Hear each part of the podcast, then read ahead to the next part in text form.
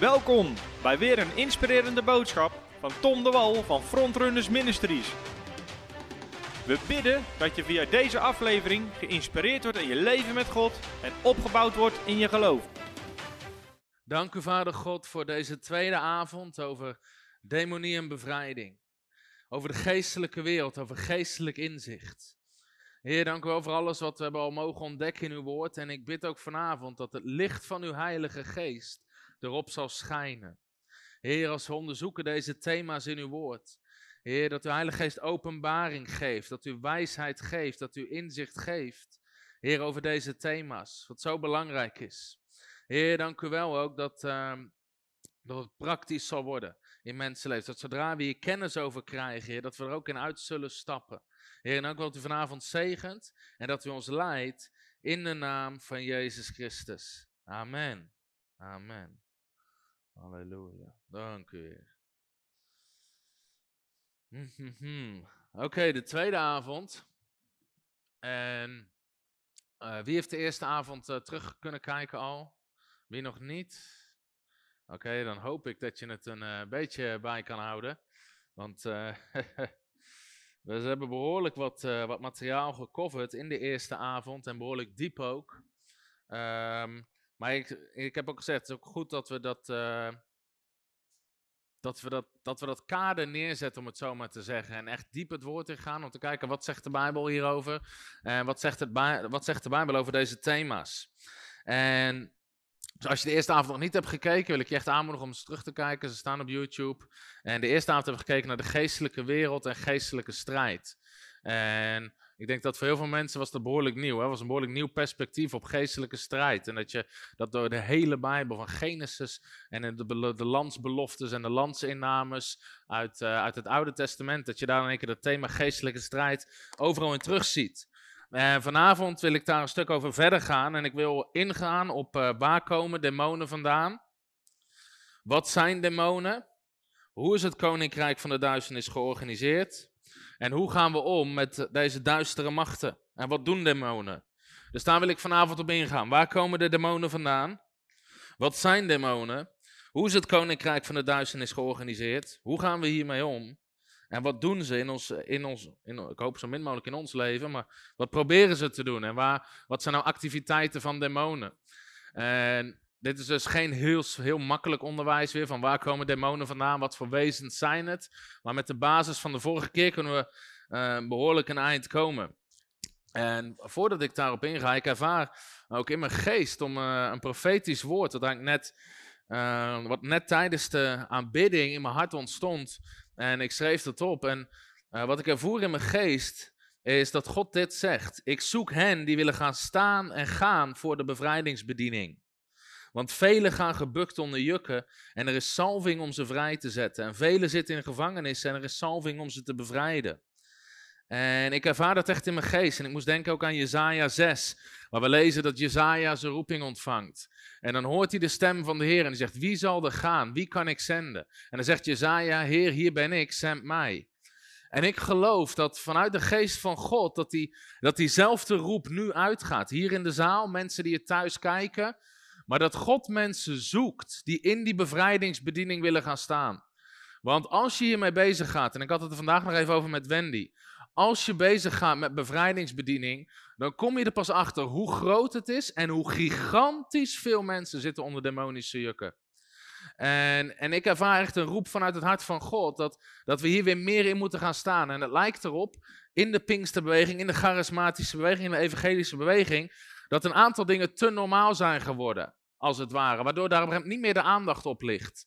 En ik ervaar datzelfde met bevrijding. Arjan die reist regelmatig met, met me mee als we op reis gaan of ergens gaan spreken. En we lopen er regelmatig tegenaan dat de mensen die je spreken en advies vragen naar diensten, dat binnen twee seconden heb je door aan hun verhaal. Het is gewoon een demonisch juk waar ze onder zitten. Maar waar je niet in een paar minuten daar de tijd op zondagochtend hebt om die mensen daarvan af te helpen. En En, en vaak ook in heel veel kerken waar nooit voor bevrijding wordt gebeden, waar geen bevrijdingsdiensten zijn. En waar dus gigantisch veel mensen gewoon niet tot bloei komen, omdat de demonie in hun leven zit genesteld. En weet je, er is salving van God beschikbaar om mensen vrij te zetten. En als je ermee bezig gaat, uh, tegelijkertijd ook bijna een stukje wees gewaarschuwd. Want je gaat wel wat op je dak halen. Want als natuurlijk één ding is waar de duivel een rothekel aan heeft, dan is het bevrijdingsbediening. Want het liefste wil hij dat demonen gewoon ergens ongemerkt kunnen zijn en kunnen zitten. En dat daar zo min mogelijk aandacht voor is. En wat ik vorige keer ook al zei, dat je in Nederland bijna een soort aanval ziet op die bevrijdingsbediening. Maar God zoekt mensen die daar maling aan hebben wat de duivel probeert te doen. En die het koninkrijk van God willen bouwen. In het boek Handelingen was er niks zo, maal, zo normaal als bevrijdingen. Toen de discipelen verspreid werden, staat er en ze, ze dreven overal demonen uit. Er is een tekst die letterlijk zegt: Jezus trok de synagoge rond en dreef overal de boze geesten uit. In de synagoge, gewoon in de kerkdiensten. Het was een standaard onderdeel van Jezus' diensten, was het bevrijden van mensen van boze geesten. Het was standaard in de bediening van Paulus. Het was de standaard opdracht naar de kerk. Verspreid het evangelie, drijf demonen uit en genees de zieken. Het hoort bij die basisopdracht. En als je dan kijkt in hoeveel kerken uh, dat gedaan wordt, het uitdrijven van demonen, heel weinig. Ontzettend weinig. En ook het aantal mails wat we krijgen, Roel weet ervan, die heel de dag langskomen op de inbox. Gewoon mail na mail na mail na mail van mensen die vastzitten onder demonische jukken. En dat je denkt, goeiedag, hoe gaan we dit ooit in goede banen leiden? Hoe gaan we al die mensen helpen? Dus ik geloof echt, er zitten veel mensen, maar God zoekt mensen. En ik wil ook als je, uh, eigenlijk vragen, of je wil gaan staan, en dan misschien mensen die thuis achteraf kijken, of je thuis wil gaan staan als je het idee hebt van, ik wil daar instappen, ik wil stappen in die roep van God, om mensen vrij te zetten in de bevrijdingsbediening. En dan wil ik gewoon over je gaan bidden. En wees wel gewaarschuwd als je gaat staan, want ik geloof ook dat er gaan mensen op je pad komen om ze vrij te zetten. dus als jij ervaart of zegt, hé, hey, ik wil daarvoor gaan, ik wil gaan staan in die bevrijdingsbediening om mensen vrij te zetten, en als mensen het achteraf thuis kijken, mag je thuis gewoon gaan staan. En strek dan je handen uit. Vader God, u zoekt arbeiders. U zoekt mensen die zeggen: Ik wil gaan, ik wil gaan staan in deze bediening. Heer, u zegt in uw woord dat er zalving is. De zalving verbreekt elk juk. En er is zalving om jukken te verbrijzelen, om gevangenen vrij te zetten. Heer, er is salving zoals bij Paulus, waarin demonen als ze slechts zweetdoeken aanraken, het uitschreeuwen. Heer, en ik bid dat u uw zalving plaatst op een ieder die nu hier in de zaal of thuis, of waar dan ook is, meebidt en gaat staan en zegt, Heer, hier ben ik, zend mij. Laten we dat hardop zeggen. Heer, hier ben ik, zend mij. Heer, en ik bid voor al deze mensen dat u ze onderscheid van geesten geeft. Dat u zalvingen geeft, dat u de gave van geloof geeft de werking van kracht om demonen vrij te zetten. Heer, ik bid ook dat mensen die gebukt gaan onder jukken, dat u ze op hun pad zal brengen in de komende tijd. Heer, zodat ze ze vrij kunnen bidden, vrij kunnen bidden. En ik bid ook, ik moet denken aan de profeet die op een gegeven moment zei, Heer, open uw ogen. Zo bid ik, open hun ogen. Heer, zo bid ik van ieder. Heer, dat ogen open gaan en de realiteit van de geestelijke wereld voor mensen open gaat. Dat ze zullen zien waar demonische jukken zitten in de naam van Jezus Christus. Amen. Amen. Halleluja. Ik geloof dat dat ontzettend krachtig is, dat als onze ogen open gaan, en dat is, dat is ook de bedoeling van dit onderwijs, dat je ogen open gaan, dat je op een gegeven moment, en zeker als je er meer mee in gaat handelen, dat je overal ga je het dan tegenkomen en ga je het zien, maar we kunnen mensen zoveel beter helpen als we bevrijdingsbediening hebben in onze kerken, gewoon in het lichaam van Christus. Sterker nog, ik geloof dat bepaalde pastorale teams honderden uren demonen hebben zitten counselen. Sommige mensen hebben gewoon niet door waar ze mee zitten te praten. is een demonische macht of een demonisch bolwerk in mensenleven, waardoor ze niet verder komen. En je kan ze honderden uren advies geven en ze gaan niet verder komen dan dat ze bevrijd worden van boze geesten. Dus in ons land worden helaas heel veel demonen krijgen gewoon iedere keer counseling. Als ze niet opletten, worden het nog christelijke demonen. Zo worden ze gecounseld. weet je, maar gewoon het uitdrijven van demonen. Ik weet, ik, moet denken aan een bevrijdingsdienst die we ergens deden. En we hadden niet genoeg mensen om uh, voor iedereen te bidden. Dus op een gegeven moment dat gebedsteam van die kerk, die kwam er ook bij. En ik stond daar demonen uit te drijven. En naast mij stond zo'n vrouwtje van die kerk en die hoorde ik bidden. Heer, zegen haar in Jezus' naam. En ik zei, wat ben jij aan het doen? Je moet die demonen niet zegenen, je moet ze eruit sturen. Weet je, oh ja, ja, ja, nou, zijn we niet helemaal gewend, hè. Maar daarvoor kwamen die mensen naar voren. En dan zie je ook vaak dat we helemaal niet gewend zijn of getraind zijn om demonen eruit te sturen. En weet je, demonen gaan gezegend terug naar hun plek. Maar goed, we moeten gaan staan in die bevrijdingsbedieningen. Mensen vrijzetten van allerlei jukken. Amen? Oké. Nou, ik wil dus beginnen met waar komen demonen vandaan. Dat is nog een stuk theoretisch, maar wel heel belangrijk. Dus deze uh, onderwerpen gaan we behandelen. Uh, ik wil ook even vorige keer even samenvatten. Omdat, um, gewoon dat we even weer weten waar we zitten. En dit blijft altijd een beetje het kernpunt over demonie en bevrijding. En zeker de geestelijke wereld. De opdracht is ontzettend simpel. Drijf demonen uit. Drijf ze uit. En ik geloof dat het goed is als we onderzoek doen van waar komen ze vandaan of hoe zit dat met die machten. Maar hou de opdracht altijd heel simpel. Hou de opdracht zo simpel mogelijk. Drijf demonen uit. De theologie kan wat lastiger zijn, maar de opdracht is simpel. Verder hebben we gezegd, de geestelijke wereld bestaat uit drie hemels of drie hemelen. En die hebben allemaal ook hun bewoners, om het zo maar even te zeggen. Geestelijke inwoners daarvan. En dit zijn de Elohim. Die geestelijke wezens worden Elohim genoemd. Uh, gaat dus niet alleen over God, hoewel het soms naar God verwijst, maar ook andere geestelijke wezens heten Elohim. God, engelen, geesten, gevallen engelen, die ook wel goden genoemd worden, uh, gerubs, demonen, allerlei wezens worden Elohim genoemd. En we hebben ook gezien dat er is een hemelse raad een geestelijke raad, het hemelleger, de lege machten, die met God regeren in die geestelijke gewesten. God is de allerhoogste God, hij is de enige God, maar er is die raad van God, van Gerubs en geestelijke wezens. En dat zien we in Jezaja 6. Dan zegt God, wie zal ik zenden, wie zal er voor ons gaan? En hetzelfde zie je bij Babel, dat God zegt, laten wij naar beneden gaan om te kijken wat ze aan het doen zijn. Dus er is een, een geestelijke raad is daar aanwezig, uh, die samen met God functioneert. En een gedeelte van die raad is gaan rebelleren. En in de Bijbel, in Genesis, lezen we eigenlijk drie grote momenten van rebellie, van geestelijke rebellie. Voor veel christenen is alleen het eerste moment is bekend. Dat is namelijk in de Hof van Eden, waar de slang Adam en Eva misleidt om te zondigen en ze worden uit het paradijs gezet. En ze verliezen daar zeg maar, die geestelijke realiteit. Maar in Genesis hoofdstuk 6 lezen we van nog een hele grote geestelijke rebellie, namelijk dat de zonen, de zonen van God. Dus die engelen die kwamen naar beneden, die hadden gemeenschap, die hadden seks met de vrouwen van mensen en daaruit ontstonden kinderen. En die kinderen, dat was een half, uh, was, een soort hybride ras, om het zo maar te zeggen. Gedeeltelijk mens en gedeeltelijk een geestelijk wezen. En de Bijbel zegt zelfs dat uh, daarover dat zij heel de aarde vulden met kwaad. En dat was zelfs zo slecht dat God als reactie daarop zegt: Ik ga de aarde verwoesten met de zondvloed. En uh, dit mag niet langer dan 120 jaar zo doorgaan. Het gevolg uh, is demonie, gaan we vandaag over hebben. Dan zie je uh, Babylon ontstaan. En veel mensen hebben niet door de geestelijke rebellie die achter Babylon zit. Maar als je goed leest, dan zie je dat het rechtstreeks ingaat tegen de opdracht van God. Want God zet tegen Noach, verspreid je over de aarde. Maar in Babylon zeiden ze, nee, wij blijven hier op één plek en we gaan eigenlijk een tempel bouwen. Die torens waren tempels die hoger dan de hemel reikt. We gaan ons verheffen boven God. En dan lezen we ook, gaan we zo meteen nog zien wie daarachter zat en dat dat een geestelijke macht was. En dan kijkt Mozes daarop terug en die zegt, dit is het moment dat God de volken overgaf om de andere goden of de uh, gevallen engelen als het te dienen. Die Nephilim, die reuzen die ontstonden, dat waren de wezens, uh, blijken achter de rebellie van Babylon te zitten. Want dan wordt die geslachtsregister wordt daar beschreven en dan spreekt het over de Giborim. Dus die, de Bijbel zegt dan, die Nephilim waren Giborim of Gibor. En dat staat voor geweldenaars. Alleen het staat voor geweldenaars in een enorm negatief. Ze, ze vulden de aarde met geweld en ellende. Dus dat werden de Giborim genoemd.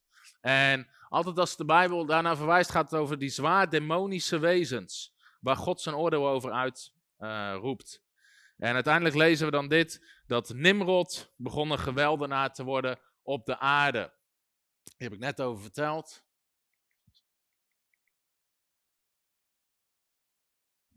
En die reuzen die daar ontstaan, die zien we dus zelfs met de inname van het beloofde land een cruciale rol spelen. Dat, daar schrikken die Israëlieten zo van. Ze schrikken niet van het enorme leger, maar ze zeggen, wij hebben reuzen gezien. Wij hebben Nephilim gezien. We hebben die demonische wezens hebben we gezien. En daarvan waren ze zo onder de indruk dat ze zeggen, dit land kunnen we niet innemen. Het was een geestelijke strijd. En, de Jozua en Caleb, ze hadden een andere geest, zegt Wou. Zij zeggen, wij kunnen dit wel innemen. En zij durfden wel tegen die reuzen te vechten. En die reuzen zie je dus constant een cruciale rond, uh, rol innemen bij de inname van het beloofde land. Uiteindelijk in de tijd van David worden de laatste Nephilim-afstammelingen gedood. En ook David zelf zie je weer met Goliath weer een stuk geestelijke strijd. Er is weer zo'n Nephilim, zo'n half demonisch wezen, wat daar in één keer is en vecht tegen David. Nou, wat gebeurt er met die engelen? De Bijbel zegt dat God heeft die geoordeeld. Dus die engelen die naar beneden kwamen, die seks hadden met mensen, zowel Judas als Petrus kijken daarop terug en die zeggen in de dagen van Noach, in die onreinheid. God heeft die engelen in eeuwige duisternis bewaard voor de dag des oordeels. Dus God kwam met oordeel op dat moment. Oké, dat was even de samenvatting van de vorige keer. En nu gaan we verder eigenlijk met de vraag: ehm, waar komen demonen vandaan? Ik ga even kijken of dat. Uh... Ik weet niet of mijn PowerPoint helemaal de goede volgorde aanhoudt. Even kijken. Uh, waar komen demonen vandaan? Nou, er zijn eigenlijk drie theorieën over waar demonen vandaan komen. Uh, verschillende mensen zeggen verschillende dingen. Uh, vanavond gaan we daar eens naar kijken. De eerste theorie is eigenlijk, er was een ras voor Adam. Dus voor Adam was er nog een mens, oh, nou niet een menselijk ras, want wij zegt Adam was de eerste mens. Maar voor Adam zeggen mensen, er zal er een ander ras geweest zijn op aarde. En dat is verwoest, dat is gekomen onder het oordeel van God. Daarom zegt de Bijbel dat de aarde woest was en leeg, dus was oordeel geweest. En dan begint God opnieuw. En het is een, dat is een theorie. Uh, ik denk niet dat het de meest sterke theorie is. Het is gebouwd op Genesis 1 en Genesis 1 vers 2. Eh, de reden dat ik niet denk dat dit de juiste theorie is, wie had wel eens van deze theorie gehoord? Een aantal mensen. Uh, de reden dat ik denk dat dit niet juist is, omdat je dit eigenlijk niet bijbels kan onderbouwen. Het is een hele, hele, hele hoop giswerk. En uh, dus ja, dat is dan op één tekst gebouwd en een hele hoop uh, invulkunde. Uh, bovendien ook de Joden of de kerkvaders geloofden dit niet. Dan zijn er anderen die zeggen, ja, maar demonen um, zijn gevallen engelen. Ik denk dat dat de meest bekende theorie is, toch? Wie, wie, dat is eigenlijk wat je ook in heel veel uh, boeken leest. Uh, zeker uit de evangelische wereld. Demonen zijn gevallen engelen, wordt dan gezegd. En ik heb er de vorige keer al iets over gezegd, maar ik wil er dit keer iets dieper op ingaan. En aan de andere kant, ik heb vorige keer ook gezegd, dit hoeven geen strijdpunten te zijn. Dus iemand zegt, maar ik geloof dat toch helemaal prima. Als we het maar weer eens zijn over die opdracht, je drijft ze uit. En wat ze zijn, hoe ze heten, wat hun moeder was, hun vader was. Ja, hun vader is de duivel, dat weten we. Maar in ieder geval, dat maakt eigenlijk niet zoveel uit. We drijven ze uit. Um, maar ik vind het wel belangrijk om daar gewoon eens naar te kijken. Waarom denk ik niet dat het gevallen engelen zijn? De eerste reden is eigenlijk, we lezen nergens in de Bijbel dat engelen in het lichaam van een mens willen wonen. Uh, omdat engelen hebben eigenlijk gewoon hun lichaam, hun geestelijke lichaam. Dus ik, ik kan geen één Bijbelverhaal verzinnen waar ik zie dat een engel, of het nou een goede engel is van God of een slechte engel is van de duivel, waar er letterlijk staat dat hij graag in een um, lichaam wil wonen. En als het engelen waren, dat is dat even daarop aansluitend, dan, uh, dan zouden we dat eigenlijk ook wel moeten zien in die bevrijdingen. Maar ze worden altijd onreine geesten genoemd of boze geesten. Ze worden nergens gevallen engelen genoemd. Jezus zegt niet gevallen engel, ga eruit. Uh, dus ik, ik zie dat daar niet zo in terug, dat engelen in lichamen van mensen gaan wonen op die manier. Daarnaast lijkt het zo te zijn, en ik denk dat dat zo is, dat de Bijbel een onderscheid maakt tussen gevallen engelen en geesten. En we zien dit bijvoorbeeld in Handelingen 23, vers 8. En dat is een discussie, maar er staat er. De Sadduceeën zeggen namelijk dat er geen opstanding is, geen engel of geen geest. Het gaat over geestelijke zaken. Uh, waar dan een discussie over was wat de Sadduceeën anders geloofden dan de Farizeeërs. Maar de Farizeeërs beleiden het beide. Dus in dat Joodse denken zie je wel dat er verschillende soort geestelijke wezens waren. En geesten en engelen worden apart genoemd. En, en dit vind ik eigenlijk misschien wel de belangrijkste reden. Dat als je kijkt naar wat zegt de Bijbel over hoe we omgaan met demonie, demonen. Je drijft ze uit. Dat is de opdracht. Drijf demonen uit. Um, en we zien Paulus dit doen, we zien Jezus dit doen, we zien de discipelen dit doen. Maar wat zegt de Bijbel nou over die gevallen engelen of over uh, die hemelse machten Daar schrijft Paulus in Efeze 6, zegt hij, we strijden niet tegen vlees en bloed, maar we strijden of we worstelen met die geestelijke machten, met die wereldbeheersers, met die oversten. En hij werkt nergens die discussie van, joh, drijf die dingen uit. Hij zegt, wij, worstelen daar tegen, we hebben daar een bepaalde strijd tegen. En als hij dan de wapens van onze strijd beschrijft in, daarna in de geestelijke wapenuitrusting, is uitdrijven van demonen, noemt hij daar ook niet in. Dus hij lijkt er een heel duidelijk onderscheid te maken tussen gevallen engelen, um, die je niet uit kan drijven. Anders was dat natuurlijk een veel makkelijkere oplossing geweest. En dit vind ik ook wel een, een groter, uh, groot argument. Demonen lijken aan de aarde gebonden te zitten. Dus een engel functioneert in de geestelijke wereld. Die zie je in de geestelijke gewesten. Die verschijnt, die is weer weg. Uh, die, is, die in de troonzaal bij God. Die engelen, die functioneren uh, in de geestelijke gewesten. Maar demonen lijken aan de aarde gebonden te zitten. Als Jezus die demon uitstuurt, in Marcus hoofdstuk 5, dan zit die demon nog liever in de varkens. En hij zegt, stuur me niet weg uit dit gebied. Nou, als het gevallen engelen waren, hadden ze ergens, zou je kunnen zeggen, gewoon de geestelijke wereld in kunnen gaan. Maar ze zoeken opties op aarde. Stuur me in de varkens, laat ons niet verdwijnen uit dit gebied. En ook Jezus zelf zegt, um, Matthäus 12, vers 43. Wat gebeurt er als een demon wordt uitgedreven? Wanneer nu de onreine geest uit de mens weggegaan is, gaat hij door dorre plaatsen om rust te zoeken. Maar hij vindt die niet. Dan zegt hij, ik zal teruggaan naar mijn huis waar ik uit weggegaan ben. En wanneer hij komt, vindt hij het leeg, geveegd en opgeruimd. Hij gaat naar dorre plaatsen. En dat lijken gewoon plaatsen op de aarde te zijn. Zeker als je een beetje oud-testamentisch uh, als je het Oude Testament redelijk goed kent, dan weet je dat er plekken waren waar de oorde, het oordeel van God was geweest, of waar in zonde geleefd werd. En dat werden dan ook geestelijk, werden dat dorre plaatsen. En dan beschrijft de Bijbel dat daar veldgeesten en allerlei soorten spoken en jakhals en noemt hij allemaal dieren die ook zo'n geestelijke afspiegeling hebben. En die demonen trekken dus naar dorre plaatsen, maar ze lijken niet naar de geestelijke wereld te trekken. Dus wat is dan het ontstaan van demonen? Dit is wat ik denk dat um, het ontstaan is van de demonen. En dat is ook wat, uh, wat een aantal um, Bijbelleraren de laatste tijd weer meer aandacht op begint uh, te trekken eigenlijk. In Joodse overleveringen, zoals teksten uit de Dode Zee rollen, zijn demonen de geesten van de overleden Nephilim-krijgers. Die omkwamen door de vloed en daarna.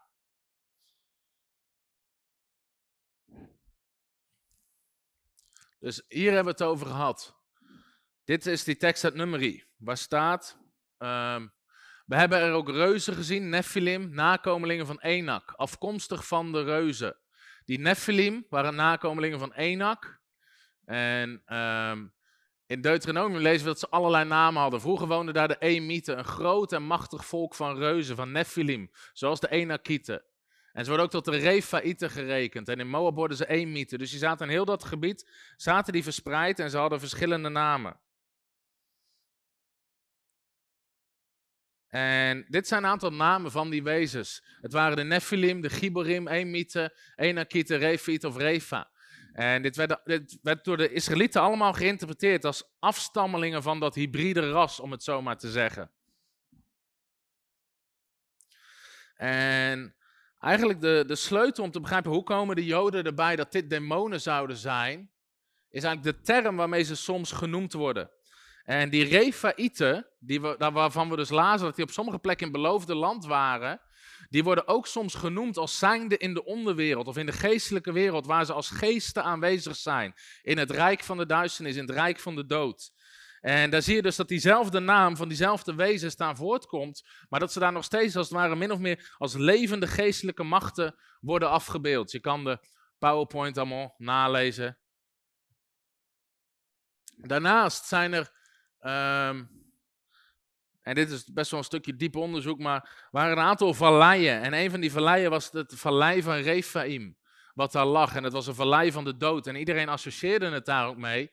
En um, uiteindelijk daar zat een ander vallei aan vast, de vallei van Hinnom. En in het Hebreeuws staat Gehinnom, en waar, waar, de naam Gehenna vandaan komt. Wat Jezus ook linkt aan het, aan het dodenrijk en de doden. En wat hij zegt dat is voor de engelen en zijn vuur. En, um, en dat soort dingen.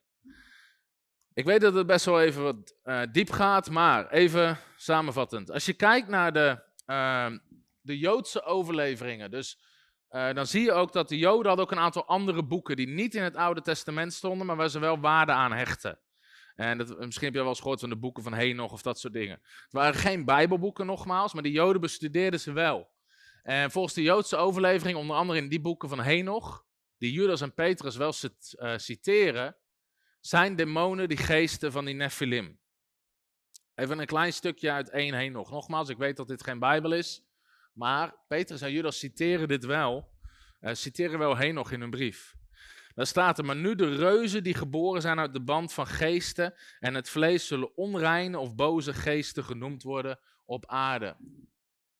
Hun verblijf zal zijn op aarde en in de aarde. Ze zullen veroorzakers van het kwaad worden op de aarde en boze geesten genoemd worden. Hier heb je nog een klein stukje uit één heen nog. Maar nu de reuzen die geboren zijn door de geest en vlees, ze zullen boze geesten op de aarde zijn. Hun verblijf zal op de aarde zijn. De geesten die zijn voortgekomen uit de vleeselijke lichamen van de reuzen zijn boze geesten. Want, wat, want uit mensen zijn ze ontstaan en uit de wachters. Nou, in andere geschriften werden die Nephilim werden de wachters, of die godenzonen werden de wachters genoemd. Dit was de oorsprong van hun schepping. Onreine geesten zullen zij zijn op aarde en onreine geesten zullen zij genoemd worden. De geesten uit de hemel, in de hemel is hun verblijf. Maar de geesten die ontstaan zijn op de aarde, op de aarde is hun verblijf. En de geesten van de Nephilim verleiden, zijn gewelddadig, vernietigen, vallen aan en veroorzaken ziektes. Ze eten niet, ze kennen geen honger of dorst of sterfelijkheid. Deze geesten staan op tegen de zonen van de mensen en tegen de vrouwen, want ze zijn uit hen voortgekomen. Dus dit zijn een paar stukjes uit het boek Henoch. Nou, als je het boek Henoch gaat lezen, lees je ook allerlei rare stukken en ik heb geen idee wat we daarmee moeten. En nogmaals, dit is ook geen Bijbel. Het is ook niet voor niks dat, dat het ook niet in de, in, in de Joodse Bijbel zit. Maar dezelfde termen eigenlijk die ontstaan zijn in die periode, um, onreine geest, boze geest, zie je ook constant terugkomen in het Nieuwe Testament. En als je eigenlijk gewoon gaat onderzoeken waar geloven de Joden dat demonen vandaan komen, geloven ze allemaal dat dit de oorsprong was van demonen. En dat verklaart misschien ook wel een beetje waarom Jezus totaal niet de behoefte lijkt te hebben om uit te leggen waar demonen vandaan komen. Zeg gewoon drijf demonen uit of drijf boze geesten uit. Er is ook niemand daar die vraag stelt, joh, waar komen die dingen vandaan? Hoe zit dat precies? Wat wij kunnen lezen. Het lijkt voor hun gewoon gesneden koek. En ook Judas en Petrus citeren dus die brieven van Henoch als het gaat over dit soort dingen, over die val in Genesis 6 en dat menselijke ras wat daar gemixt is. En dan halen ze dus Henoch aan. En ze halen letterlijk de brief van Henoch aan die ze citeren in hun brieven. Ehm, en ook de kerkvaders, dus eigenlijk als je kijkt zeg maar, wie het, weet je, in de kerkgeschiedenis, de vroege kerkvaders, uh, volgen eigenlijk allemaal deze leer dat de demonen uh, het nazaat van die Nephilim zijn. Nou, voor heel veel mensen is dit behoorlijk nieuw, denk ik, of niet? En, uh, en het is ook wel een beetje, je denkt van, goeiedag, wat zijn we nou weer voor een eh, science fiction terechtgekomen? Zeker omdat wij zijn dat. Ik zat, daar, ik zat daar vlak voor de avond nog aan te denken. Dat wij zijn het zo niet gewend. Ook geestelijke verhalen niet. En demonie niet. Dat, zelfs dat was in Jezus tijd relatief normaal. Want mensen kwamen zelf tot de conclusie dat ze last hadden van demonen. die vrouw met haar dochtertje in Matthäus 15 zegt: Heer, mijn dochter wordt door een demon bezeten. Nou, het was geen geestvervulde gelovige die onderscheid had van geesten en de brieven van Paulus had gelezen en handelingen. Eh, in die tijd was dat toch best wel een normaal begrip. En je had Joodse, uh, de Bijbel zegt er waren ook Joodse uh, geestenbezweerders die rondtrekten. Ging niet altijd goed, lezen van Handelingen 19. Die kreeg soms op een donder van een demon. Maar, en Jezus stelt ook die vraag, hè? want op een gegeven moment stelt uh, Jezus drijft demonen uit. En wat zeggen de fariseeërs? Hij drijft demonen uit door de overste van de demonen. En dan zegt Jezus, als ik het doe door de overste van de demonen, door wie doen jullie zonen het? Dus blijkbaar waren er ook gewoon Joodse uh, lieden, misschien schriftgeleerden of fariseeërs of uh, uh, in ieder geval geestelijke, die bezig waren met het uitdrijven van demonen. En Jezus zet gewoon diezelfde lijn door en hij drijft demonen uit. En dus dit is eigenlijk het gangbare denken in die tijd. En voor ons lijkt het inderdaad een beetje science fiction. En dat je denkt van waar zijn we nou weer in terecht gekomen?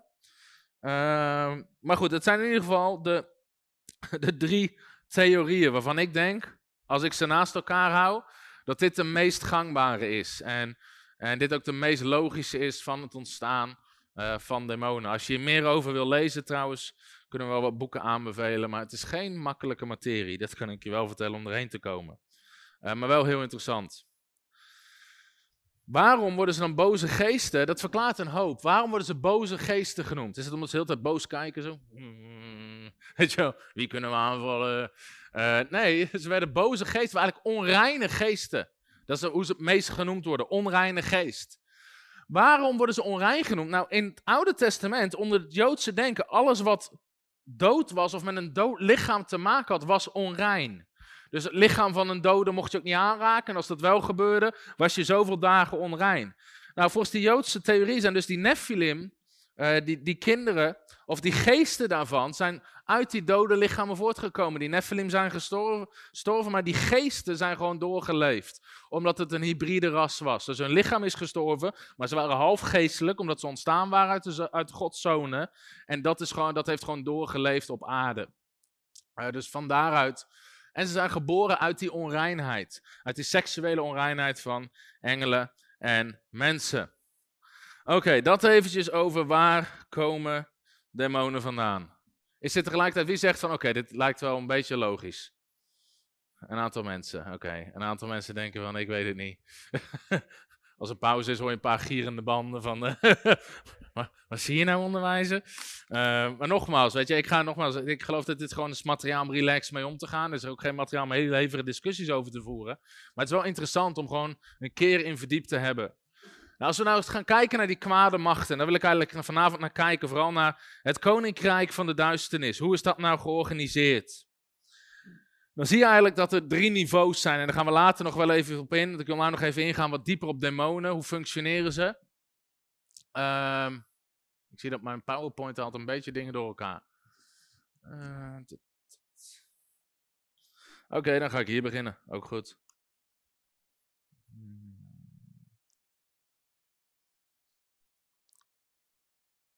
Hij gooit hem een stukje door elkaar. Uh, even, even voor, ik ga hier toch even naartoe werken. Er zijn drie niveaus van geestelijke kwade machten. En voor de meeste mensen zijn die wel bekend, maar de eerste, het hoogste niveau, de aanvoerder is Satan. Gaan we vanavond dieper op in, want Satan is eigenlijk niet zijn naam. Wij christenen zijn dat vaak gewend, maar Satan is een titel. Uh, is overigens interessant, als je, als je demonen uitdrijft, die noemen hun meester altijd Lucifer. Ik weet niet of dit wel eens opgevallen is, maar uh, sommigen denken, nee. uh, maar die noemen hun meester eigenlijk altijd Lucifer. Uh, Satan was een gevallen aartsengel, was een van de hoogste, niveaus eng, uh, hoogste niveau engelen, die viel. Dan heb je die gevallen wezens, die zitten in de geestelijke gewesten. En dat zijn die leden van Gods hemelse raad, die rebelleerden. In Genesis hoofdstuk 3, Satan nam een gedeelte met zich mee. En in Genesis hoofdstuk 10 weer. En dan geeft God ze over. Dit is misschien ook wel interessant. Laten we even Psalm 82 lezen. Hier hebben we vorige keer ook al naar gekeken, maar ik wil dit toch nog een keer aanhalen. Dat heb ik niet op de beamer. Want waar zegt natuurlijk, God heeft die volken, die heidevolken, geeft die over in Genesis hoofdstuk 10 en 11 aan die kwade machten. En dan zegt God, als jullie, uh, als jullie daarnaar luisteren, gaan ze dan ook maar dienen. En we hebben vorige keer ook gezien wat gebeurt er in Genesis hoofdstuk 12. God roept Abraham. En die begint met Abraham opnieuw een nieuw volk, want de rest was overgegeven aan de heidevolken. Maar in Psalm 82, dan lezen we dus dat God staat in die raad van goden. En dat hij dus ze veroordeelt omdat ze het niet goed doen. Dan staat er, God staat in de vergadering, de MBG zegt van de goden. En hij oordeelt te midden van de goden. Hoe lang zult u onrechtvaardig oordelen, oordelen en de goddelozen bevooroordelen? Doe recht aan de geringe en de wees. Bewijs de ellendige en de arme gerechtigheid. Bevrijd de geringe en de arme. Ontruk hem aan de hand van de goddeloze. Zij weten niets en begrijpen niets. Ze wandelen steeds in duisternis rond. Daarom wankelen alle fundamenten van de aarde. Ik heb gezegd, u bent goden. U bent allemaal zonen van de Allerhoogste. Toch zullen u sterven als een mens, zoals iedere andere vorst zult u vallen. Sta op, o God, oordeel de aarde, want u bezit alle volken. Interessant dan die laatste zin. U bezit alle volken. Want wat was er gebeurd met die volken? Die waren overgegeven aan die andere goden om hen te dienen. Die tekst hebben we vorige keer allemaal aangehaald, het Deuteronomium. Dat Mozes zegt dat gebeurde toen hij de volken verspreidde bij Babel. Hij verspreidde hun taal en hij gaf ze over om die goden te dienen. En het verschil tussen de God van Israël, Yahweh, en die andere goden Hier lezen we dat in die psalm, want God staat dan te midden van die raad en hij oordeelt ze. Want uiteindelijk, en dat is zo mooi aan de God die we dienen, hij is tot in het diepst van zijn kern is hij een goede God. Hij is begaan met mensen, hij heeft ze geschapen, hij wil dat ze het goed hebben. Maar die andere goden, de Bijbel laat ons duidelijk zien hier, uh, wat zegt God? Jullie oordelen onrechtvaardig. De goddeloze bevooroordelen jullie. Dus in Gods koninkrijk, God bevooroordeelt de, die hem dienen. En God oordeelt rechtvaardig. Maar die, godden, die andere goden deden het tegenovergestelde. En God zegt, doe recht aan de geringe en de wees. Bewijs de ellendige en de arme gerechtigheid. Bevrijd de geringe en de arme, ontruk hen. En, en dan zegt God later, ik heb wel gezegd, jullie zijn goden, maar er komt een moment, er komt het oordeel en dan zullen jullie sterven. Dan zullen jullie sterven, want je regeert niet goed over de aarde. Je regeert niet goed over die volken die zelfs die zijn overgegeven. Jullie promoten goddeloosheid en rebellie. Dus dat zijn die gevallen wezens. En dan heb je dus demonen, nageslacht uh, van, uh, van die godenzonen.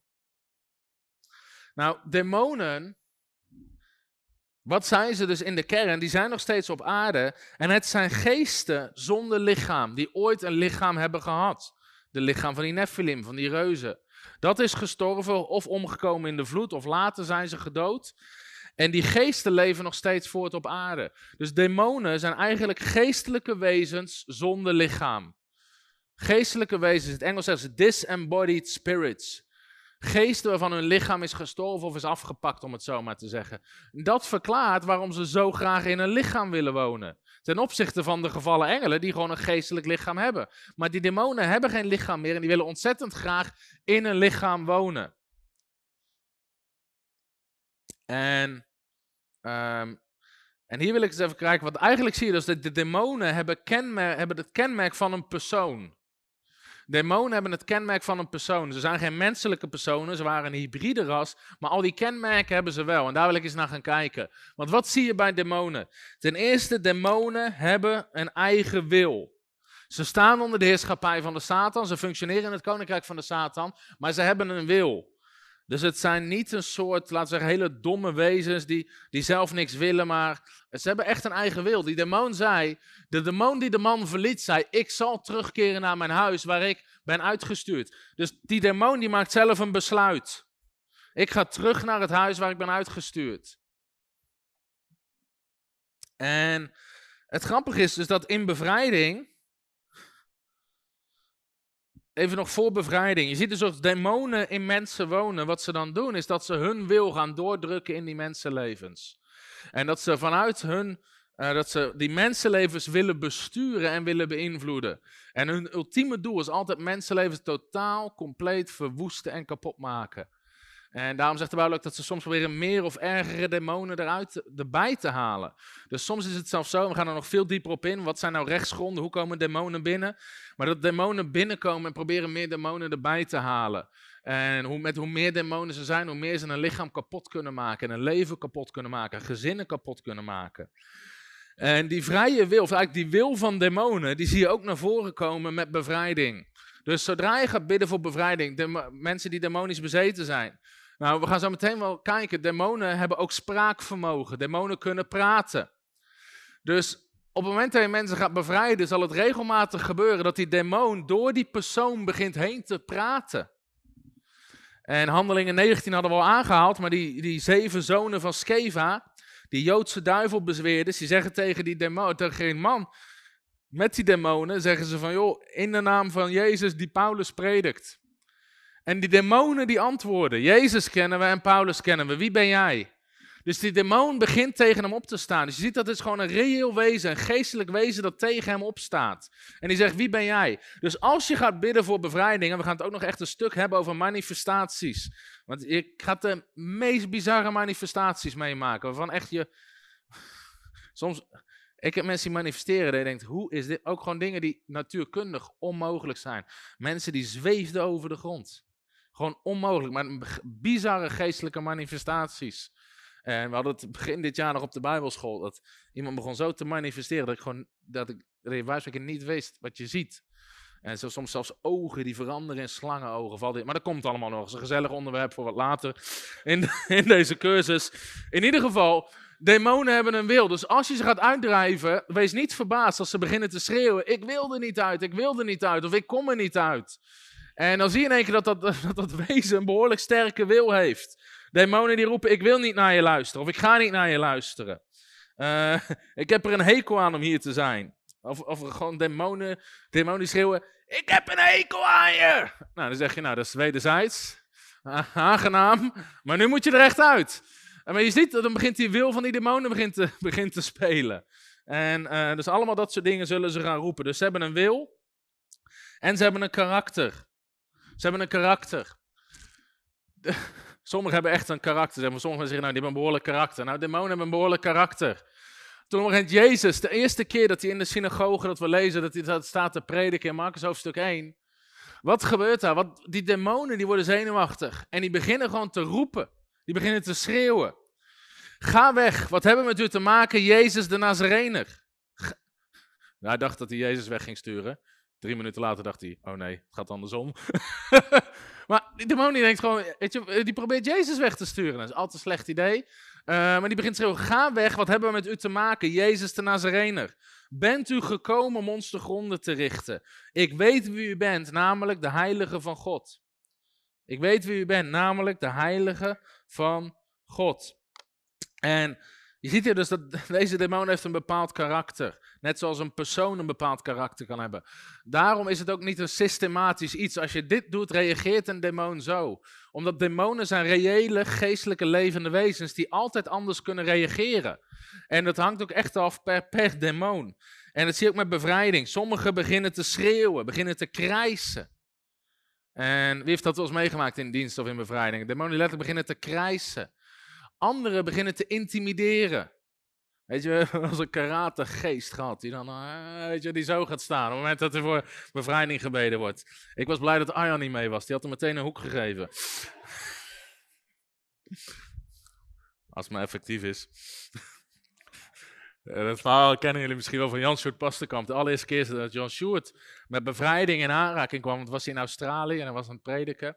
En er komt een, uh, er komt een heel tenger meisje aan. Het, uh, in zijn verhaal moet, de, weet ik veel, dat meisje misschien 50, 60 kilo. Een tengere vrouw. En die, die, begint te krijsen op een gegeven moment. En een van de oudste, die, die, wil, haar, uh, die wil haar helpen, die wil voor haar bidden. En dat meisje, die pakt hem beet, tilt hem boven de hoofd en gooit hem tegen de muur aan. En jullie zijn al gaan staan met de oproep wie wil er in de bevrijdingsbediening. Dus nou maakt het niet meer uit wat ik vertel.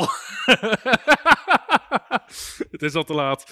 Um, en wij kunnen denken, ja, maar dat kan niet. Nou, dat las je, las je ook in handelingen. Hè? Die zeven zonen van Skeva. Met z'n zevenen. Zeven volwassen mannen. Probeerde één iemand in bedwang te houden met een demon. En die zeven mannen vluchten naakt het huis uit. De kleren van hun lijf gescheurd. Ging niet best, die bevrijdingsdienst. En weet je, aan de andere kant, ik wil erop nuchter, je hoeft daar nooit bang voor te zijn, want je hebt autoriteit in Jezus Christus. En weet je, maar het is wel goed om ervan op de hoogte te zijn. Dus Jan Sjoerd, die ziet dat gebeuren. Een andere oudste of de voorganger, die loopt naar dat vrouwtje toe. En ze schopt hem in zijn maag. Boem. En die valt ook om. En toen stond alleen Jan Sjoerd daar nog. En een hele zaal mensen die aan het kijken was. En dat is altijd zo lekker hè, als je dan iedereen zit te kijken en denkt, ik zit hier best. dan zijn de vrijwilligers dun gezaaid hoor, in het koninkrijk. dan zijn we lekker allemaal, de, ja, we hebben allemaal een plek in het lichaam, wij zijn het oog. vandaag, vandaag kijken we gewoon, oké? Okay? Um, in ieder geval, Jan Stewart zo hilarisch had als hij dat vertelde. Ja, hij zegt, ik wist ook niet wat ik moest doen. Dus hij zag kans om, om naar die vrouw toe te lopen, terwijl hij dus blijkbaar bezig was met die voorganger, de beet te pakken in een houtgreep die had geleerd van reddingszwemmen om iemand knock-out te krijgen. Want de theorie met reddingszwemmen was blijkbaar, je kan iemand beter, die helemaal in paniek is, eerst bewusteloos hebben en dan rustig naar de kant zwemmen dan dat iemand in paniek die je niet, meekrijgt. die meekrijgt. Ik heb het begrepen hoor, ik weet niet of het echt zo is. Niet gaan toepassen en zeggen, heeft Tom ooit gezegd in een preek. maar in ieder geval, dus Jan Sjoerd die doet dat en die pakt haar in die greep en ze gaat knock-out. Wat een dienst. in ieder geval, uiteindelijk, ze nemen hem mee naar, naar achteren. En uiteindelijk met een aantal mensen, zeven, acht mensen, werd ze vastgehouden. En uiteindelijk werd er voor de gebeden en werd ze compleet vrijgezet en hersteld. En in ieder geval, Jan Soort had het, het was niet geestelijk, maar wel effectief. en eh, als het maar effectief is, toch? Maar, eh, maar goed, demonen hebben nogal een karakter. En, ehm, en dit ga je ook tegenkomen gewoon in je leven. Als je hiermee mee bezig gaat, ga je zien dat je gaat steeds meer... Je gaat confrontaties krijgen met demonen. Dat is even een, ander, even een zijstapje. Maar demonen proeven en weten of dat jij kennis hebt of niet. Ze weten het. Of dat jij kennis hebt van de geestelijke wereld, inzicht hebt in de geestelijke wereld of niet. En je ziet dus ook dat sommige mensen die, uh, die demonen hebben, waarvan demonen in hun leven zitten, je hebt, je hebt, die demonen kunnen daar verschillend op reageren, want ze hebben een karakter. Sommige mensen, is misschien wel eens opgevallen, maar ik zie dat vaak in dienst. Dat is heel grappig als je staat te prediken als je langsloopt. Sommige mensen kunnen je niet aankijken. Of als je aan het bedienen bent naar mensen. Je ziet ze gewoon wegkijken. En dan is eigenlijk die demon die al licht begint te manifesteren, die al aan het ontwijken is. Ze hebben echt karakter. En je ziet dat ook op. Dus die demonen voelen heel goed aan wat er aan de hand is. En soms zie je dat zelfs met bevrijdingsdiensten. Dat als je mensen op een rij zet en, en hoe dichter bij je komt, hoe harder demonen beginnen te gillen. Dus ze weten wat er gaande is in de geestelijke wereld. Dus sommige mensen, als mensen je niet aan kunnen kijken, dan is er vaak iets aan de hand. En ik zeg niet dat het altijd demonisch is, maar, maar, maar, dat is wel redelijk vaak zo. De ogen zijn een spiegel van de ziel. Als je in iemands ogen kijkt, kan je vaak zien wat daar zit. Maar dat, dat is een mogelijke reactie van demonen. Je hebt ook andere demonen die gewoon intimideren. En ik heb het niet eens over bevrijdingen, gewoon in het dagelijks leven. En weet je, wie heeft wel eens gehad dat je in een bepaalde situatie terechtkwam waar je, wij spreken van tegenover iemand kwam te staan en dat je achteraf dacht, man, dit leek wat demonisch. Toch? Soms zie je mensen hun ogen groot worden. Je ziet bijna het vuur eruit komen. En op een gegeven moment ga je gewoon herkennen, joh, dit was geen menselijke confrontatie. Dit was een geestelijke confrontatie. Dit was een geestelijke confrontatie. En ik herinner me, uh, toen ik op een gegeven moment, ik kwam naar een bepaald bedrijf en ik moest daar iets doen. En ik werd daar rondgeleid. En op een gegeven moment werd ik in een bepaalde kamer gebracht, zaten een paar mensen. En ik keek naar een vrouw en ze had zwart haar. En ik werd daar, er zaten een paar mensen te werken. En ik keek naar haar. En ik kreeg een woord van kennis, ze is satanist. En ze kijkt naar mij, ze kijkt twee seconden, ze ziet het, ze draait weg. Ze heeft me nooit aan kunnen kijken daar. En dus ook demonen weten hoe die geestelijke wereld in elkaar zit. En uh, ik heb dat verhaal misschien wel eens verteld, maar uh, ik denk op bijbelschool op, op onze usher training. Maar weet je, ook dat soort dingen over, over, over heksen, satanisten. Je ziet waar we ons bewust van moeten zijn, maar waar we niet bang voor moeten zijn. En is een ander verhaal. Ik geloof ook niet dat je bewust altijd. De, eh, zeg, ik geloof niet dat je bewust de confrontatie op hoeft te zoeken in dat soort dingen. Maar uh, weet je wel, zeker niet als ze soms in de kerk komen. Ik heb zo vaak gezien met satanisten die in de kerk komen om te proberen de boel te vervloeken. Het loopt heel vaak heel slecht af voor ze. Ja, wel goed voor ze, want ze hebben een ontmoeting met Jezus. Maar dan zie je gewoon dat Jezus, dat Jezus is altijd sterker. En ik weet, een keer Brent was er een, er was iemand uit de Satanskerk, die was in die kerk gaan zitten. En die zat daar te vervloeken. En een, uh, er zat echt een eind achter die persoon. En in de geest hadden we het door. En, uh, en uh, iemand die naast ons begon zacht in tongentaal te bidden. Onmogelijk dat die persoon het hoorde. En die draaide om en zei, stop het ermee. Nou, dat moet je niet zeggen, want dan is Rabadakasha Kaladabanda Labadushanda. Als de duivel zegt ergens mee moet stoppen, is het eigenlijk altijd een heel goed idee om ermee door te gaan. In ieder geval onmogelijk dat diegene het kon horen. Maar ze waren er hartstikke bang voor. En diegene heeft uiteindelijk ook zijn leven aan Jezus gegeven. In ieder geval, weet je, je ziet soms dat soort confrontaties. Ik moest zo lachen om Jonathan Shuttlesworth. Op een gegeven moment kwamen er een hele hoop heksen. Ook na, na zijn campagne toe, zijn evangelisatiecampagne om de boel te vervloeken. Je, en sommige mensen waren dan meteen onder de indruk. En ze ja, weet je, allerlei rare dingen te doen. Kippen te slachten, weet ik veel. Weet je, laat ze met zitten met hun kippenbloed. We hebben bloed van Christus, amen. Het is sterker dan iedere domme kip. Halleluja. In ieder geval, hij opende ook die campagne. Hij zegt ten eerste wil ik welkom heten aan alle heksen. Ik wil dat jullie weten dat daar in de hoek is een speciale uh, hoek waar jullie je bezem neer kunnen zetten voor als je straks naar huis wil. Hij begon gewoon, en heel dat veld begon die heksen uit te lachen. En zijn gewoon afgedropen. oh, schitterend. Hoe kwam ik hierop? Geen idee. Uh, oh ja, dat soms zullen demonie ook uitdagen. Dus soms heb je dat zelfs in confrontatie met mensen, dat ze je uitdagen. En dat je zelfs in gesprekken, ik heb het niet over bevrijdingsbediening, maar door gaat hebben wat is demonisch of niet? En ik hoop ook dat door deze training, dat een van de eerste dingen die je doet, is dat de geestelijke wereld meer gaat leven voor je. En dat we manifestaties, we gaan nog veel, manifestatie is echt een leuk onderwerp. Omdat als we dat leren herkennen, de demon manifesteert vaak, uh, zeg maar, wat hij is. Dus Op een gegeven moment, Derek Prins beschrijft volgens mij dat hij een vrouw bevrijdt. Van, die heeft een geest van moeheid, chronische moeheid. Die is altijd moe, al jarenlang. En hij krijgt de openbaring dat het een geest is. En midden in die bevrijdingssessie zegt die vrouw, ze zegt, ze zegt, moet hiermee stoppen. Ik word zo moe, ik ben zo moe. Dus gaan zeggen, ja oké, weet je. En totdat de Heilige Geest hem zegt, het is de demon die praat. Die zei, ik ben zo moe, ik ben zo moe. Het was een geest van moeheid. Die dacht, hier word ik moe van, van deze bevrijdingssessie. En die probeerde dat te stoppen. En hij kreeg onderscheid van geest. Hij sprak die demon aan en ze werd compleet vrijgezet. Maar het was een demon van moeheid.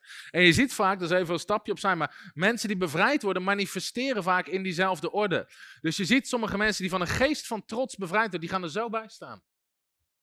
Die geest van trots begint zich letterlijk te manifesteren door hun lichaam. Zijn we toch in het onderwerp manifestatie terechtgekomen. In ieder geval, demonen hebben een karakter. Dus sommige demonen zijn extreem gemeen of gewelddadig. die zeven zonen van Skeva, die, die letterlijk met geweld ze aanviel. Boven natuurlijk sterk, anderen zijn zwak, sommigen zijn angstig. Andere demonen, kijk, sommige demonen die beginnen, weet je, kom maar op. Andere demonen, soms, ik heb mensen letterlijk weg zien rennen uit bevrijdingsdiensten. Door, door demonen, die gewoon bang waren. En, uh, dus dat kan ook een manifestatie zijn. Sommige demonen belachelijk kinderachtig. We waren een keer een vrouw aan bevrijden. Die begon zich te gedragen als een klein kind, als een baby die niks meer snapte. En als je dan niet weet wat daar gebeurt, dan kan je denken van goeiedag, weet je, of er lijkt het niet doorheen te komen, of snap ze het echt niet. En dan kan je die sessie afbreken en denken van nou, we weten niet wat dit is. Maar als jij kent dat dat die demonen zijn, die met een bepaald karakter eraan het reageren zijn, dan weet je vaak, dan kan je daar mee, mee doorgaan. En uh, Sommigen zijn kinderachtig. En Derek Prins, dus ze hebben een karakter. Derek Prins beschrijft een verhaal dat hij op een gegeven moment. Uh, was er, een man en een vrouw die kwamen voor counseling. En, en die vrouw die had, die, had, uh, die, had, die had bevrijding nodig.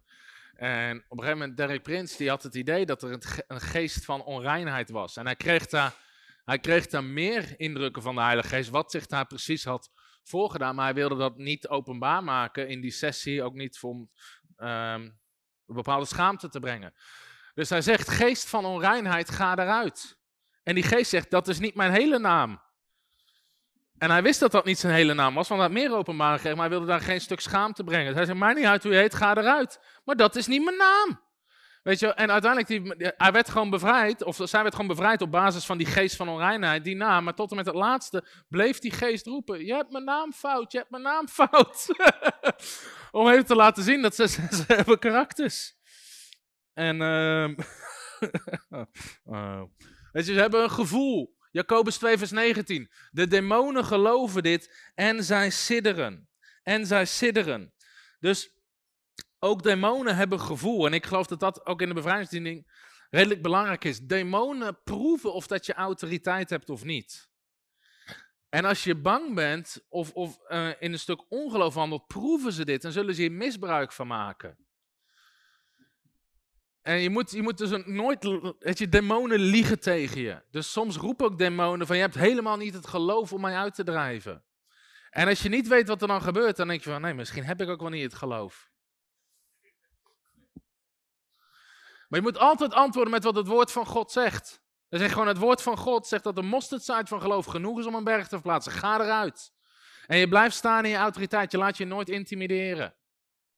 Demonen proeven het. Ik heb het zo vaak gezien dat demonen bij de ene persoon die staat te bestraffen als een malle. En er gebeurt niks.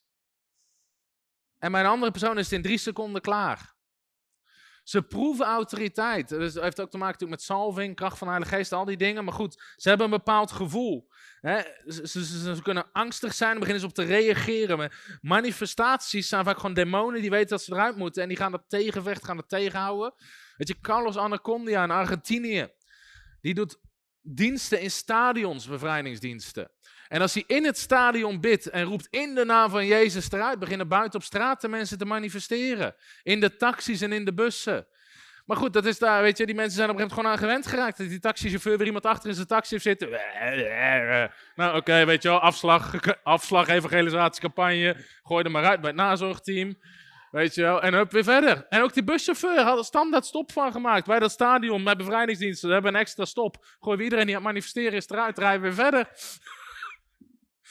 Halleluja. Ik weet dat we diezelfde kracht in Nederland krijgen. Amen. Weet je, maar, die demonen voelen dat. Een vriend van mij, die was uh, een voorganger in uh, Zwitserland, die was bij, uh, bij een dienst van, van, van die man van God. En ik vroeg, hoe was dat? Hij zegt, ik heb nog nooit zoiets meegemaakt. Hij zegt, hij begon te prediken en te prediken en alle demonen werden bang. En je proefde het. Hij zegt, het was alsof je de atmosfeer voelde stijgen. Mensen zaten in totale paniek. Mensen zaten om zich heen te grijpen. Hij was ineens aan het bidden voor bevrijding. Maar die demonen proefden zo'n autoriteit in de geest. Hij zegt, het was zo'n spanning, geestelijk, in de geest.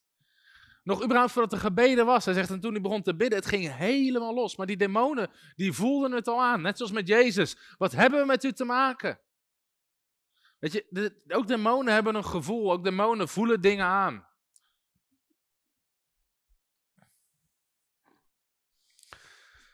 Demonen hebben een bepaalde intelligentie. Nou, nou. Demonen hebben een bepaalde mate van intelligentie. Ze weten hoe ze binnen kunnen komen bij mensen. Ze weten de open deuren. Ze snappen hoe die dingen werken. Je hebt hele domme demonen, je hebt hele slimme demonen. Ze weten hun zwakke momenten. Ik vind dat schitterend verhaal van eh, R.W. Schembeck, dat hij aan het... Dit is zo grappig. Dat hij op een komt er een vrouw binnen in een van die tentcampagnes en ook en zwaar, zwaar bezeten. En hij bidt voor die vrouw en de ene naar de andere demon die, die vliegt eruit en ze wordt vrijgezet en best wel tijd aan het bidden. En die vrouw die ligt daar op de grond en die lag te manifesteren en alle geesten gingen eruit. Op een gegeven moment lag ze gewoon en gebeurde er niks meer. En Shembek die kijkt naar haar en die vrouw roept, There are none of us left! er zit hier niemand meer! En Shembek vraagt, If there are none of you left, who's talking? Weet je, als er niemand meer zit, wie is er aan het praten? En die, en die kop van die, weet je, eigenlijk die demon die daar doorheen manifesteert, zie je gewoon totaal verbaasd dat hij zichzelf verraden heeft. Om even, aan, om even aan te geven, soms intelligentie is beperkt, laat ik het maar even zo zeggen. Ik bedoel, als Jezus de synagoge binnenkomt, ik zou zeggen, hou je mond. Weet je misschien heeft hij het niet door. Of diensten op een gegeven moment, uh, Jan Sjoerd beschreef dat, ook Frank en Ida Hammond, dat op een moment, als de diensten binnenkwamen, dat de demonen begonnen te roepen, nee, daar heb je hun weer. Om even aan te geven, bepaalde maat van intelligentie.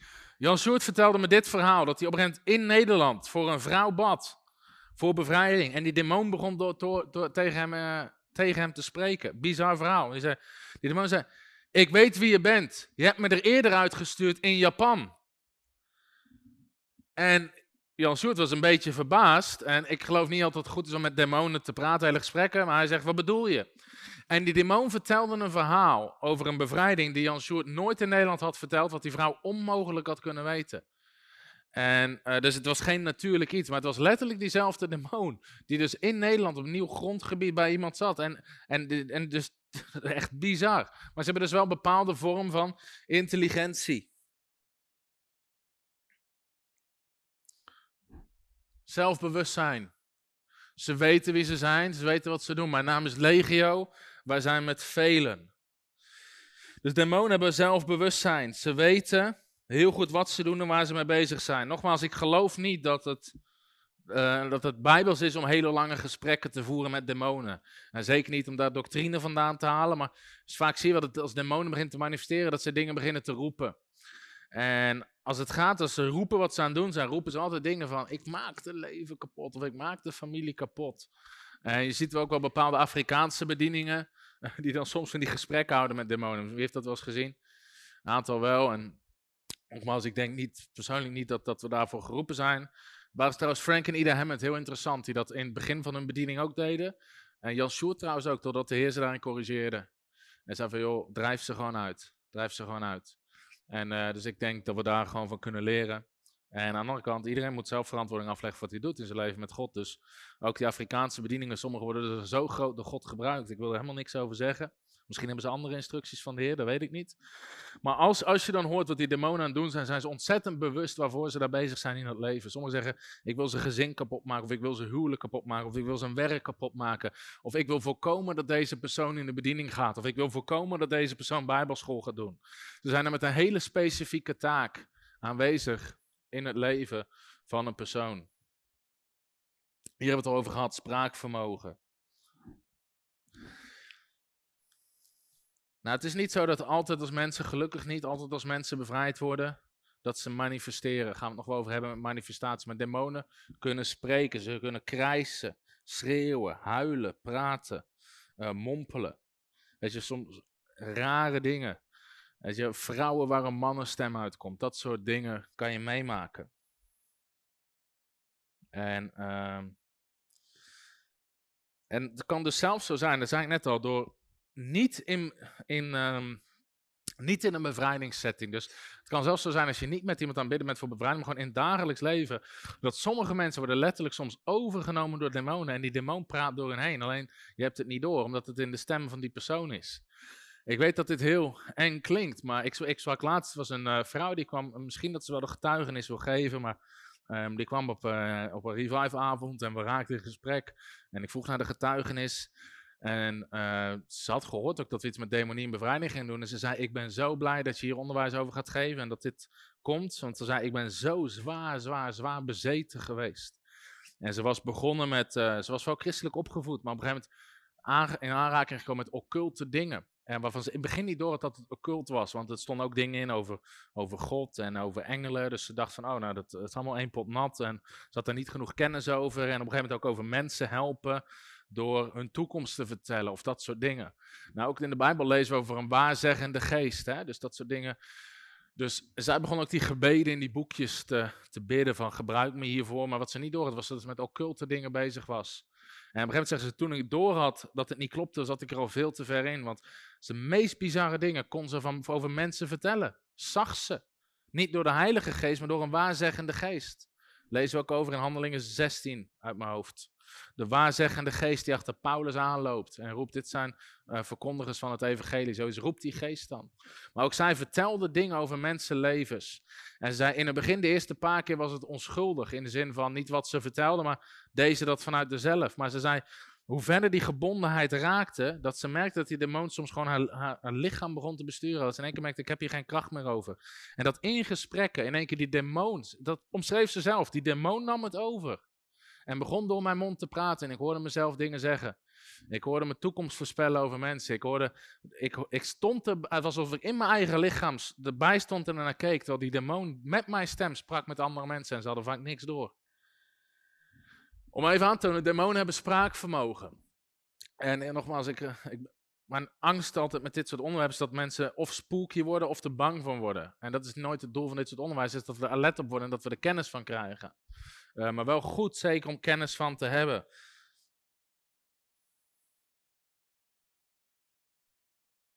Uh, ook, ook in sommige dingen zijn vleeselijk, maar ik, we hebben het ook wel eens in dienst. Ik ga twee voorbeelden geven. Ik zat ooit in een. Uh, een was onze eigen dienst. We deden ergens een campagne. En op een gegeven moment, echt alles was gewoon, was gewoon, we hadden echt een hele goede avond gehad. We hadden daar een gebouw afgehuurd en we hadden een spreker neergezet. We hadden een hele goede avond gehad. En aan het eind gaven mensen de kans om te geven. En één mevrouw, ze zat schuin achter kort. En die begon gewoon demonisch in één keer. Heel de avond als het, over geld ging. Ze begon te sissen. Ze begon geld, geld, geld. Gaat altijd, en gewoon een demon in één keer door haar heen in die samenkomst. Uh, allemaal rare dingen eigenlijk begon te roepen in de rij ook. En, en als je er niet bewust van bent, kan je denken van, oh, dat is gewoon een normaal, dat is gewoon, dat, dat is iemand zelf. Maar in de geest zijn het vaak geesten die zo'n samenkomst beginnen te verstoren. Of een geest van hebzucht. Of, of het, als je er logisch over nadenkt, weet je, de heilige geest is er nooit op tegen dat er offers op worden gehaald. Want dat, is gewoon, dat staat gewoon in de Bijbel. Dus dat zijn dan een keer religieuze geesten. Of, en, en, en die vrouw die ging eigenlijk best wel door, door het linten. En, dus verzorgd voor een stuk onrust daar in die hoek. En een van de dingen wat me opviel is dat ze rare Bijbelgedeeltes begon te verdraaien in wat ze begon te roepen. Uh, dus, dat, dus, dus, dus dat soort dingen kunnen ook gebeuren in diensten. En ik zat een andere keer zat ik ergens in een gemeente, ik was daar gewoon als bezoeker. En, en, de, en de spreker die sprak. En gewoon, het was gewoon een hele normale preek. En het ging ook over het gezin. En dat de man het hoofd is van het gezin. En er zat een vrouw schuin achter mij. En toen het ging over autoriteit en de man het hoofd van het gezin. Zag ik te draaien naar de man toe. En ze begon te sissen. Hij liegt! Hij liegt! En ik dacht, nou, ik weet niet of dat huwelijk helemaal goed zit. Maar uh, in ieder geval, op een gegeven moment had ik door. Dit is gewoon een geest. En toevallig, helaas, had ik na de dienst een bepaalde confrontatie met die vrouw. Want ze, ze, ze kwam hem af en ze vroeg een aantal dingen. Op een gegeven moment door. Het is gewoon een demonische geest. De geest van Izebel. Die, en dat zie je in de Bijbel ook. De geest van Izebel die geen enkele vorm van autoriteit kan verdragen. Dus Izebel, weet je, met Agab. Agab was eigenlijk de leiding, hij was de natuurlijke leider. En Izebel overroelde dat met manipulatie. Dat was exact daar aan de hand. Want die geest begon te manifesteren door haar stem. En op het moment dat daarover ging in een dienst. Dus soms is het ook gewoon goed om je bewust te zijn van dat dat soort zaken kunnen spelen. Verschillende rangen. Het is het laatste over demonen en hun karakters. Ze hebben een rang en ze weten waar ze zitten. Daarna gaan we even heel kort koffiepauze houden, maar het is een georganiseerd koninkrijk. Jezus zegt, als een koninkrijk tegen zichzelf verdeeld is, kan dat koninkrijk niet standhouden. Als er een tekst is die christenen zou moeten wakker schudden, is het deze, deze tekst. Omdat een van de grootste zorgen lijkt wel dat het koninkrijk van God tegen zichzelf verdeeld is. Niet, niet door God, maar door de christenen. Die overal over weten te discussiëren. En leerstellingen of gevoel of Engelse liedjes of Nederlandse liedjes of zij vinden dat en hij zegt dit. En we zijn een verdeeld lichaam. En een verdeeld lichaam is nooit krachtig. Maar Jezus zegt dit over het koninkrijk van de duisternis. Een koninkrijk dat tegen zichzelf verdeeld is, dan kan dat koninkrijk niet standhouden. Nou, het koninkrijk der duisternis is een georganiseerd koninkrijk. Met rangen, standen. Toen Jezus vroeg aan de man in Marcus 5, wat is je naam? Of aan die demon. Die leidende demon, die reageerde. Hij zegt, legio. We zijn met velen. En die leider van die demonen, die sprak met Jezus. Dus je ziet ook dat daar rangen en, standen van demonen zijn. Je hebt, hebt hele sterke demonen, je hebt hele zwakke demonen. Je hebt allerlei soorten demonen. Dat even om alvast een beetje een beeld te krijgen over demonie en wat demonen zijn en hoe ze functioneren. Heeft dit al het een en ander opgehelderd of wat? Ja? Oké. Laten we even kort 5 tot 10 minuten koffiepauze doen en dan gaan we verder. Hey, het onderwijs wat je net hebt gezien is onderwijs wat we geven aan onze tweedejaars bijbelschoolstudenten. En we hebben besloten om deze module ook op YouTube te zetten om zoveel mogelijk mensen ermee te zegenen. Maar wil je veel meer van dit soort onderwijs over genezing, bevrijding, wandelen in je roeping, kan je een account maken op www.bijbelschool.tv en dan kan je onze bijbelscholen gewoon op afstand volgen op je eigen tijd, je eigen locatie en je eigen tempo. En uh, wil je de Bijbelschool fysiek volgen? Elk jaar in januari start de Bijbelschool opnieuw in Werkendam. We hopen je daar te ontmoeten. Hallo, Tom de Wol hier en bedankt dat je weer geluisterd hebt naar onze podcast. Ik bid dat het je geloof gebouwd heeft en je bemoedigd bent. Als je niet alleen een luisteraar van onze boodschap wil zijn, maar ook een verspreider daarvan, wil ik je uitnodigen om partner te worden van Frontrunners. Door jouw maandelijkse donatie help je ons om dit evangelie van Jezus Christus en het woord van God over heel de aarde te brengen. Om partner te worden, ga naar www.frontrunnersministries.nl slash partners en word partner. Hartelijk bedankt en tot snel. Heb je ook zo genoten van deze inspirerende boodschap van Tom de Wal? Abonneer je dan op deze podcast. Volg ons op Facebook en op Instagram en kijk op onze website frontrunnersministries.nl.